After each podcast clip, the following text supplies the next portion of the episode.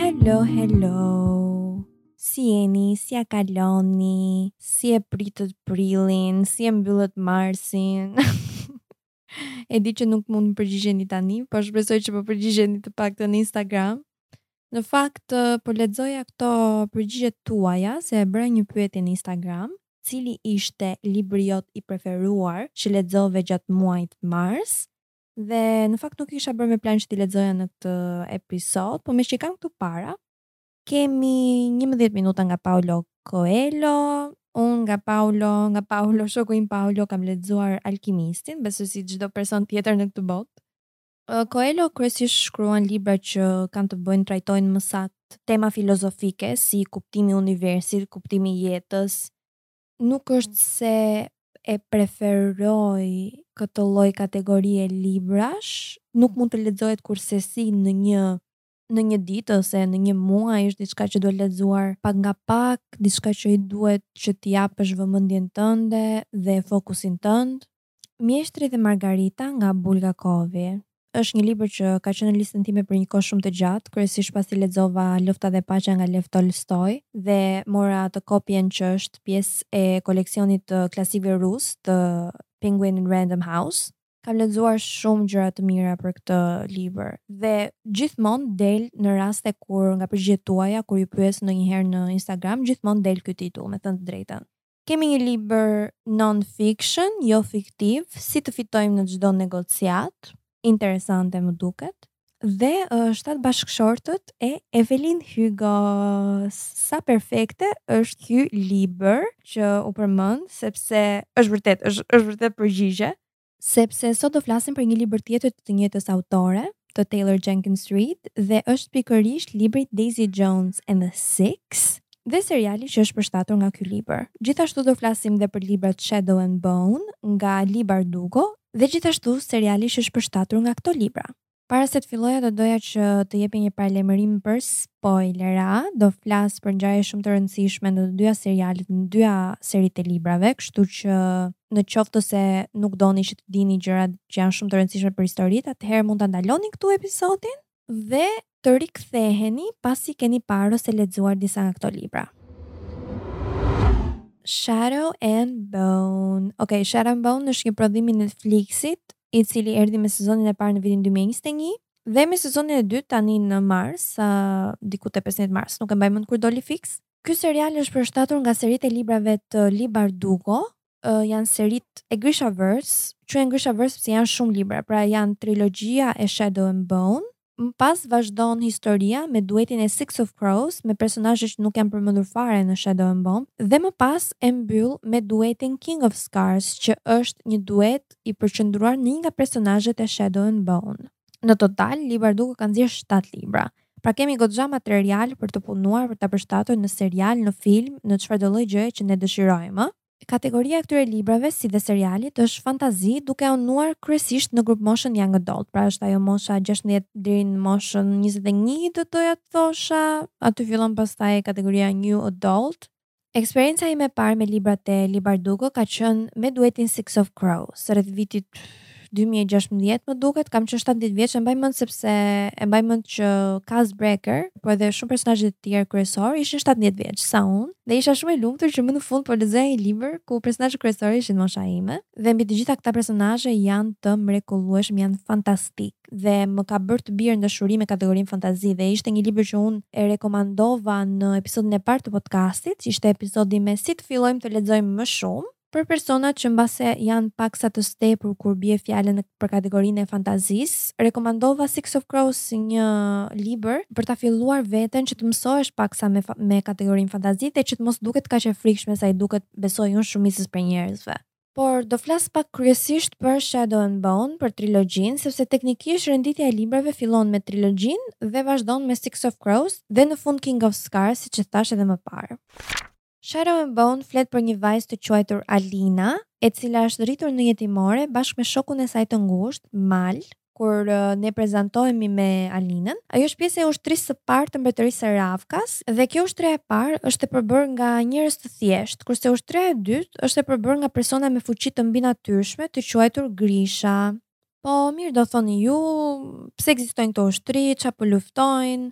Një pjesë e mirë e mbretërisë së Ravkas është e përfshirë nga një zonë e errët që e quajnë The Fold, dhe kjo zona e errët u krijua mijëra vite më parë nga një Grisha shumë shumë shumë i fuqishëm, i cili fuqia e këtij ishte errësira dhe brenda kësaj foldit jetojnë disa krijesa vdekjeprurëse të cilat pengojnë kalimin e njerëzve jashtë kufirit të Ravkas, por jo vetëm. Çdo gjë ndryshon në historinë tonë dhe në jetën e Alinës kur gjenerali i ushtrisë së dytë, një pasardhës i atij Grishës që krijoi The Fold, zbulon që Alina nuk është në fakt një person i thjeshtë, por është një grisha që posedon fuqinë e dritës.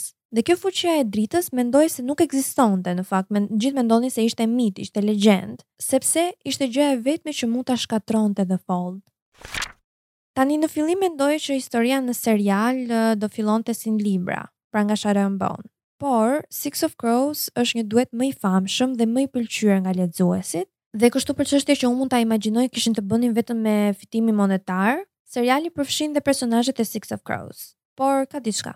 Ngjarjet e librave të Six of Crows ndodhin dy-tre vite pas ngjarjeve të librit të fundit në trilogjinë e Shadow and Bone. E di që është paksa konfuze, por më lini t'ju shpjegoj pak historinë e Six of Crows si fillim. Six of Crows është një histori grabitje fenomenale. Kështu e përshkruajnë të gjithë ata që duan që ta shesin pak librin, po në fakt nuk ka nevojë fare për ta shitur këtë libër, se është një libër fantastik. Kemi të bëjmë me një grup kriminelash në qytetin e Ketterdamit. Ketterdami është një qytet në Republikën e Kërç, e cila ndodhet në të njëjtën botë me mbretërinë e Ravkas. I ndan një oqean kryesisht.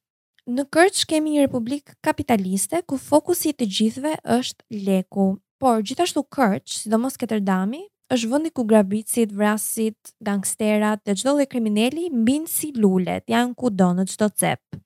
Ne ndjekim historinë e Kaz Breker, i cili vetëm shtatëmbëdhjetë vjeç, arriti të konsiderohej si personi më i rrezikshëm në qytet, në gjithë Ketterdamin dhe kryesisht në gjithë Kërçin. Kaz Brekerit i propozohet një mision pothuajse i pamundur, por, që në qoftë se del i suksesshëm, ai mund të bëhet më i pasur se ç'e kishte imagjinuar ndonjëherë. Por çfarë ishte ky mision i pamundur? Kazi dhe grupi i tij duhet të rrëmbenin një person nga burgu më i sigurt në botë. Burgu ndodhet në një vend tjetër në Mbretërinë e Fjerdas dhe është një burg ku njerëzit thonë që asgjë nuk mund të dali, as miza nuk del dot jo më njerëzit për të dalë në mënyrë të fshehtë. Për këtë mision vdekjeprurës, ai mbledh një grup njerëzish të përbërë nga një grisha e arratisur nga vetëlindja, zakonisht grishat thonë që janë vijnë nga Ravka, një gjuetar grishash i mallkuar nga dashuria që ndjen për armiken e tij, një bombabërës që nuk di të lexojë, një vajzë që lëviz si fantazëm dhe një qitës me një shënjestër më perfekte se ç'duhet. Të gjashtë këta, duke përfshirë Kazin, nisen për të kompletuar një grabitje të pamundur. Tani, meqë historia e Six of Crows ndodh dy vite pas historisë së librave Shadow and Bone, skenaristët duhet gjenin një mënyrë për t'i përfshirë personazhet e Six of Crows në ngjarjet e Shadow and Bone. Në qoftë se, një, ke lexuar librat para se të shihje serialin dhe dy, i adhuron këto libra, Nuk e di në qoftë se seriali do jetë për ty. Por kuptohet se në qoftë se ke lexuar librat atëherë 100% e ke parë dhe serialin. Nuk e di nëse një adhurues i librave të Shadow and Bone do ndalonte së pari serialin. Unë si fillim e sezonin e parë u zhgënjeva pa masë dhe më besoni që e forcova shumë veten që ta pëlqeja.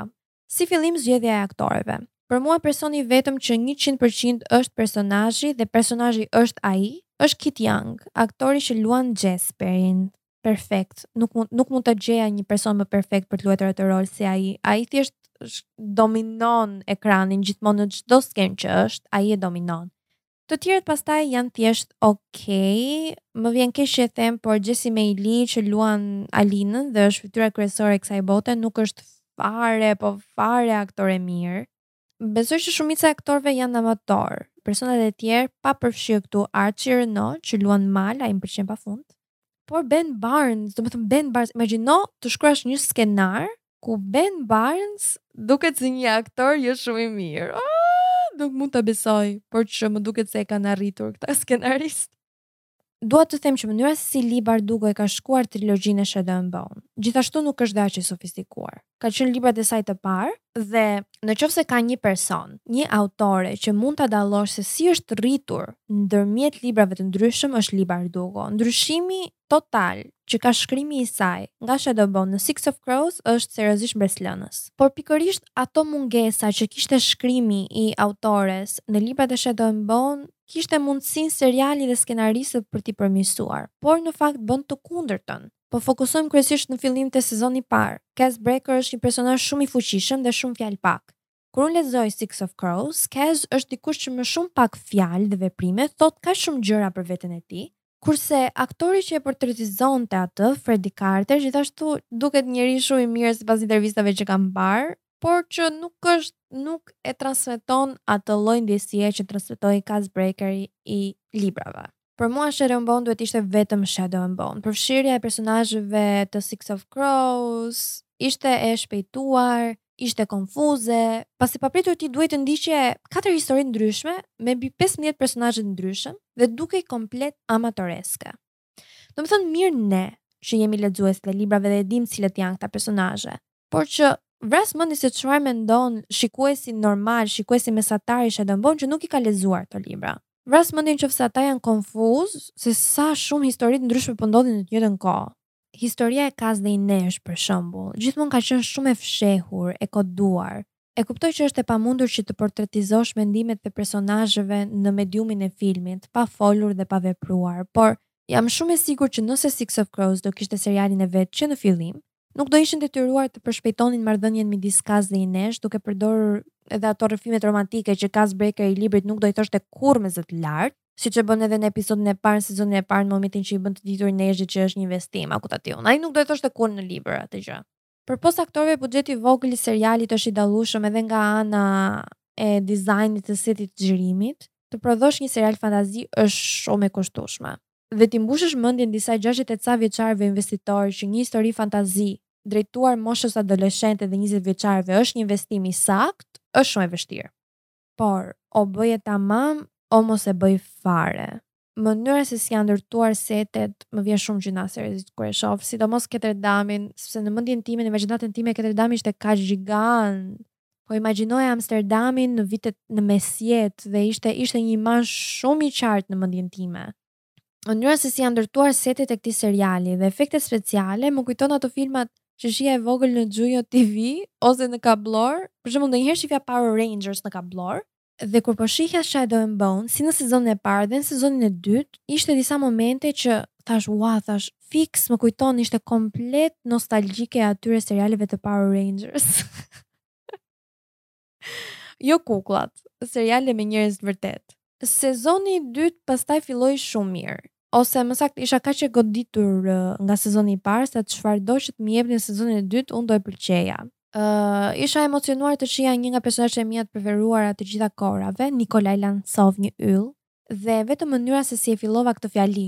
Besoj që do e kuptoni që mua nuk më pëlqeu në këtë serial, sepse kur ke një personazh të preferuar asnjëherë nuk do ngelesh i kënaqur nga imagjinata e dikujt tjetër, nga mënyra se si e interpreton dikush tjetër. Ajo energjia elektrike, ato biseda dinamike që karakterizojnë Nikolajn, unë thjesht nuk i gjeta në këtë performancë dhe më vjen keq për Paddy Gibson, sikur unë, domethënë, po kërkoj falje, sikur këta aktorët do dëgjojnë podkastin tim e do, do mërziten.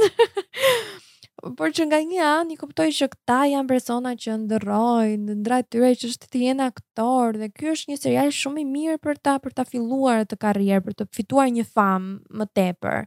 Por që nuk e di në qoftë se se ia dolën mbi të gjitha prap përshpejtimi i historisë shkatërron çdo gjë. Për shembull, ok, e di që po bëj këto krahasimet me librin, po nuk kam ça t'bëj tjetër, vetëm ashtu funksionon truri im kur shoh këtë serial. Nikolaj në libër nuk bie ashtu tak fak në dashuri me Alinën. Dhe një gjë tjetër, marrëdhënia midis atij dhe Malit në libra është super interesante, sepse është ndërtuar me xhelozi, me ego mashkulli, me maskilizëm ndonjëherë, por në serial vendosën që Mali, sidomos sezoni i dytë, të ishte një personazh komplet i mërzitshëm, pa shtyllë kurrizore, kështu që patjetër që nuk e pamë atë lloj ndërveprimi dhe më erdhi keq sepse Archie Renaux prap besoj që është aktori më i bukur aty. Këtë sezon të dytë Kaz Brekker e pamë më shumë ashtu siç ai është në libra. Skena për shembull me Pekka Rollins në pub ishte realizuar goxha mirë sipas meje, por sa shumë ngjarje të rëndësishme sakrifikuan për të arritur në atë skenë dy nga skemat më themelore të Kaz Brekker-it në librat e Six of Crows. Një, skema që kishte thurur kundra Pekka Rollins, e cila në libra është gjithmonë në mendjen e tij gjatë gjithë historisë, edhe pse arriti pranë vdekjes kaq shumë herë gjatë asaj grabitjes në Ice Court, edhe pse ishte duke përdorur fuqinë e trurit të tij për të dalë nga situata nga më të ndryshmet, skema kundër Pekka Rollins nuk ndalonte kurrë së qenuri prioriteti i tij.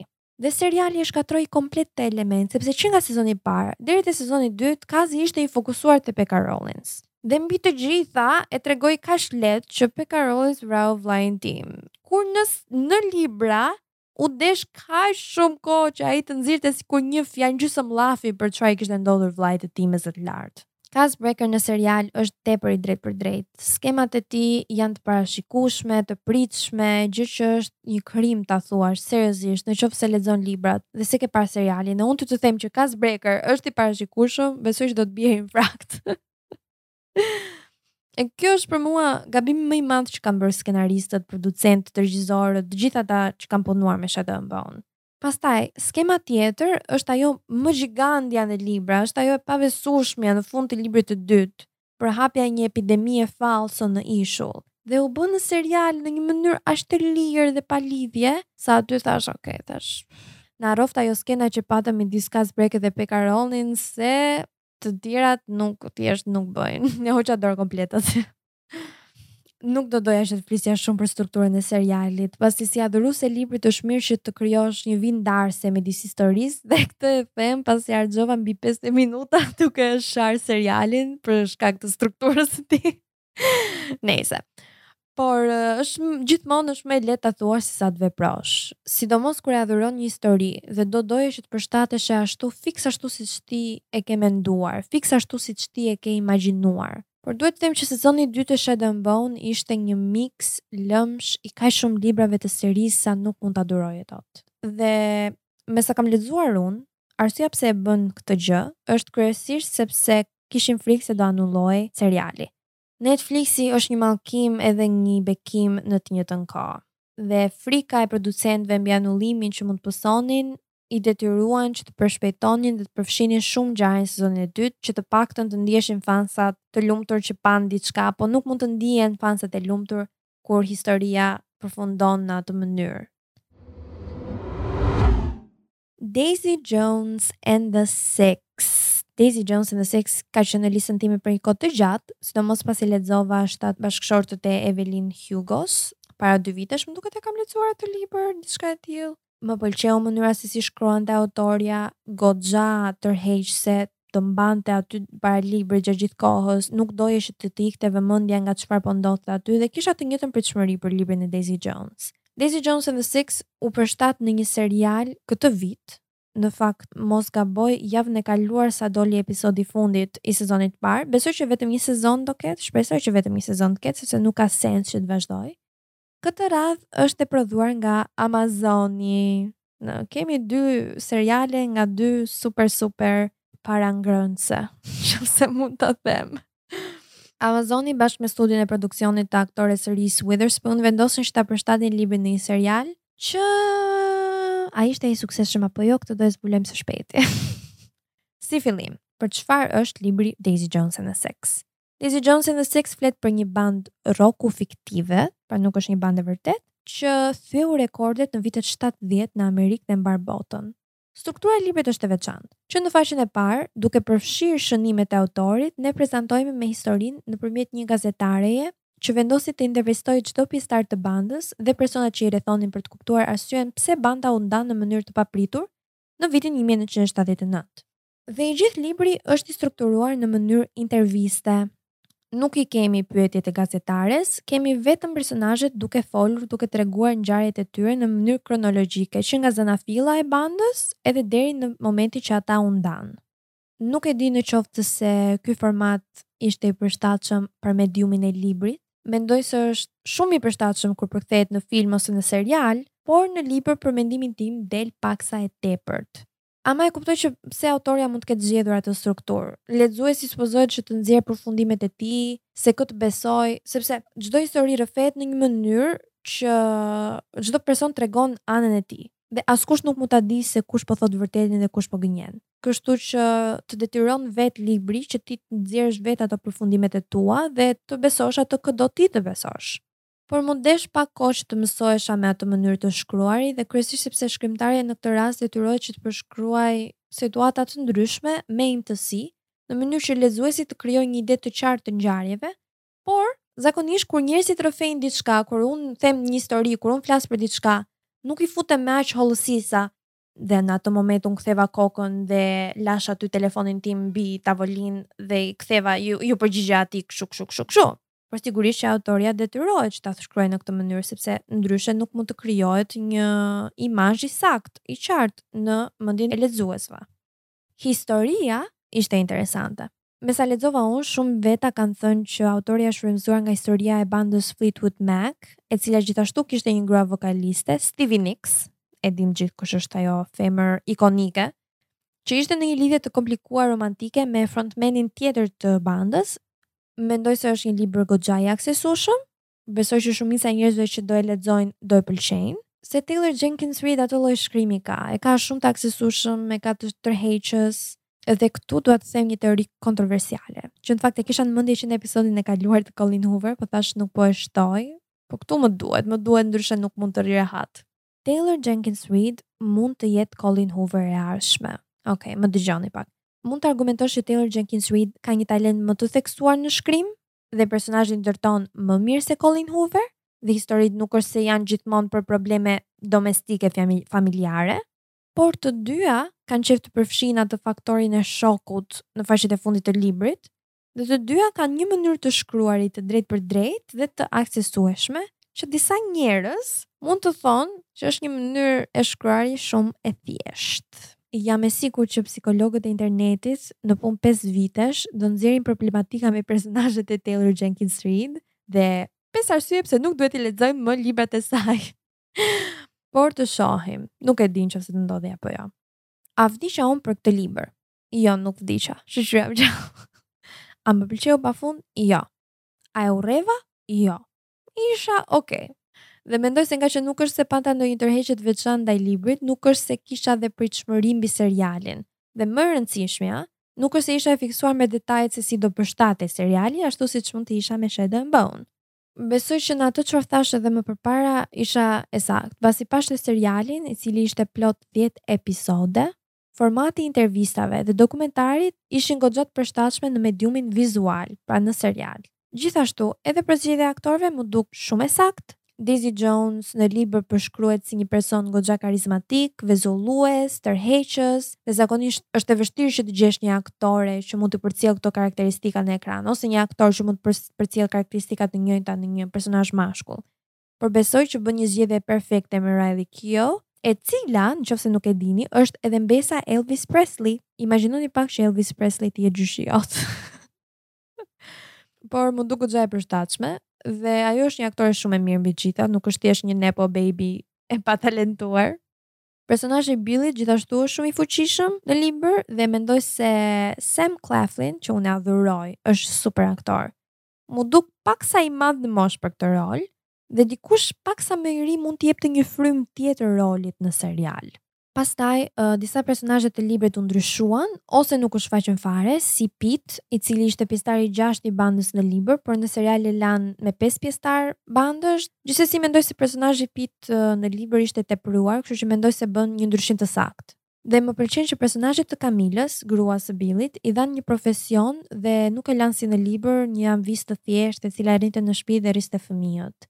Sigurisht që nuk ka asgjë të gabuar që të rrish në shtëpi dhe të kujdesesh për fëmijët. Por që Kamila ka një karakter shumë të fortë, si në libër dhe në serial, dhe nuk e di në qoftë se do ishte e përshtatshme për atë lloj karakteri që thjesht të ishte një amvisë në shpi. Besoj që ajo kërkonte më shumë nga jeta. Personazhi Simone gjithashtu pati një rëndësi më të madhe se në libër. Në libër kishte vetëm rolin e asaj shoqes së ngushtë e cila shfaqej në situata të nevojshme, e ndiqte Daisyn kudo që ajo humbte se Daisy ishte komplet e shthurur. Por në serial pati identitetin e vet si një pjesëtare e komunitetit LGBTQ+, dhe gjithashtu seriali tregoi dhe se si ishte komuniteti në vitet shtatëdhjetë, që ishte një shtesë shumë interesante. Një ndryshim tjetër goxha i madh ishte mënyra se si e trajtuan Daisy Jones në serial në kundërshtim me librin. Në serial ajo ishte më e përgjegjshme sesa ishte në libër. Në libër ajo pati një kohë shumë të gjatë vështirësish, pasi kishte besimin që këngët e saj ishin perfekte, ishte shumë e sigurt që këngët e saj ishte perfekte dhe nuk donin asnjë lloj ndryshimi. dhe nuk e kishte atë vullnetin që të ndryshonte ose të ndërronte mendjen e vet ose t'i ndërronte mendjen njerëzve që do e ndihmonin të bënte këngët ose të publikonte albumin e saj. Por në serial asaj i mbushet mendja më shpejt, sepse prezantohet edhe me Teddy Price shumë herë më shpejt sesa në libër dhe ka një rrugëtim më të lehtë dhe më të suksesshëm sesa banda The Six. Por e kundërta ndodh në libër. The Six me talentin e tyre kanë një rrugëtim më të lehtë drejt suksesit, por në serial hasen me lloj-lloj vështirësish. Por nuk mendoj se ky është një problem, ëh. Mendoj se Daisy Jones e bënë pak problematike në serial, me siguri që të pëlqejë më shumë nga shikuesit. Në përgjithësi mua seriali më pëlqeu, këngët ishin shumë të bukura, The River është një super, super, super këngë që unë po e dëgjoj non-stop. Ishin disa skena nga libri të cilat kisha dëshirë t'i shihja, por që nuk i kishin përfshirë ashtu siç i kisha imagjinuar, si për shembull skena me Karen dhe Graham pasi ajo e merr telefon dhe e pyet se pse nuk e kishte provuar ai asnjëherë që të flirtonte me të dhe ai që i thotë po unë nuk rrezikoj kur e di që do humb Dhe ajo që i thot, po kush tha që do humbësh? Edhe ai që e mbyll telefonin me vrap ikën te ajo, te dhoma e saj i bie derës. Ajo m'u duk një skenë shumë cute, edhe doja shumë që ta shihja në serial, se Graham shumë wholesome, shumë tip kështu, dukej shumë tip i lezetshëm, i ngrohtë, uh, por që nuk e pamë. Gjithashtu, Billy në libër ishte shumë herë më i disiplinuar, Që mua ky element më pëlqeu shumë në libër. Pas rehabilitimit Billy punoi shumë, por shumë, shumë, shumë fort që të mos kthehej prapë në gjendjen që ishte më parë. Dhe arriti shumë herë shumë afër, atëherë kur desh puthi Daisy Jones, ose atëherë kur desh piu alkool, si ajo skena me atë me atë burrin në barin e hotelit, që e shijoi në fakt një gllënjkë të alkoolit dhe ai burri e ndihmoi në një mënyrë shumë të konsiderueshme. Nuk e di, mua ajo skenë m'u duk shumë e fuqishme.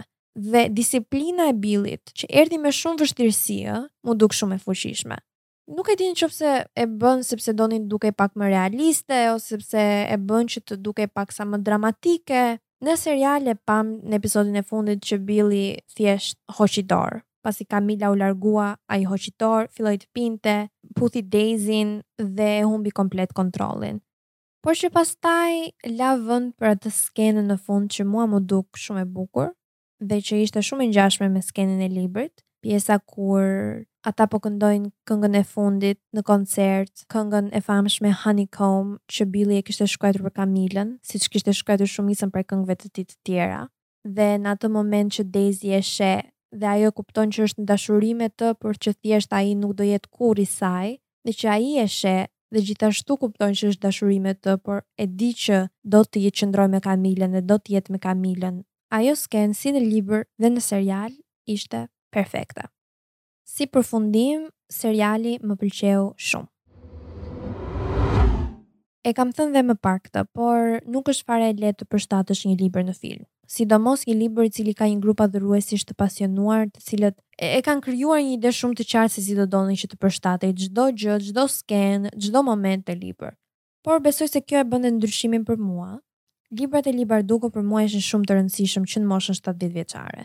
Kam një marrëdhënie shumë të ngushtë me personazhet, kam një marrëdhënie shumë të ngushtë me ngjarjet, dhe për këtë arsye jam shumë herë më kritike dhe e ndjeshme nga ndryshimet që i bëhen në përshtatje. prandaj dhe kam pasur një eksperiencë jo shumë pozitive gjatë serialit. Nga ana tjetër, libri Daisy Jones and the Six për mua ishte ok, nuk mund të them që kisha shumë opinione ose ndjenja të forta për të, siç thashë dhe më parë, por mendoj se prandaj e shijova dhe më shumë serialin dhe nuk nevrikosesha me çdo ndryshim që mund t'i bënin si personazheve ose ngjarjeve. Mendoj se sado që të përpiqesh, kur je një adhurues i fortë i librit, shumë, shumë, shumë rrallë do të ndihesh i kënaqur me përshtatjen në film ose serial. Në qoftë se i ke parë këto seriale ose i ke lexuar këto libra mos harro të më shkruash në Instagram ose gjithashtu mund të lësh dhe një koment në Spotify për mendimin tënd. Arritëm dhe në fund të këtij episodi, shpresoj që ta keni pëlqyer. Unë në fakt u zbavita shumë duke parë Daisy Jones and the Six dhe më erdhi mirë që më motivoi edhe podcasti që ta shihja si serialin, si dhe ta lexoja dhe librin, sepse mendoj që seriali ishte shumë i bukur përpos përshtatjes të librit, këngët, moda, ato veshjet e viteve 70. Tani unë dua që të iki të blej rroba të viteve 70. Super hipi, kupton? Por tani që po vjen dhe vera, dhe që ato rrobat hipi dhe moda hipi shkon shumë në verë, mbase do i blej disa gjëra. U fiksova shumë, duhet ta shihni, domethënë vetëm vetëm për të parë estetikën, vetëm për estetikën e atij seriali duhet ta shihni. Ju uroj një javë shumë të bukur, një fundjavë shumë të bukur. Shpresoj që së shpejti të shohim diellin, të dalim jashtë, të veshim ca rroba të stilit 70. Dhe të këndojmë një këngë të Daisy Jones and the Six. Ju përqafoj. Faleminderit. Ciao. Ciao.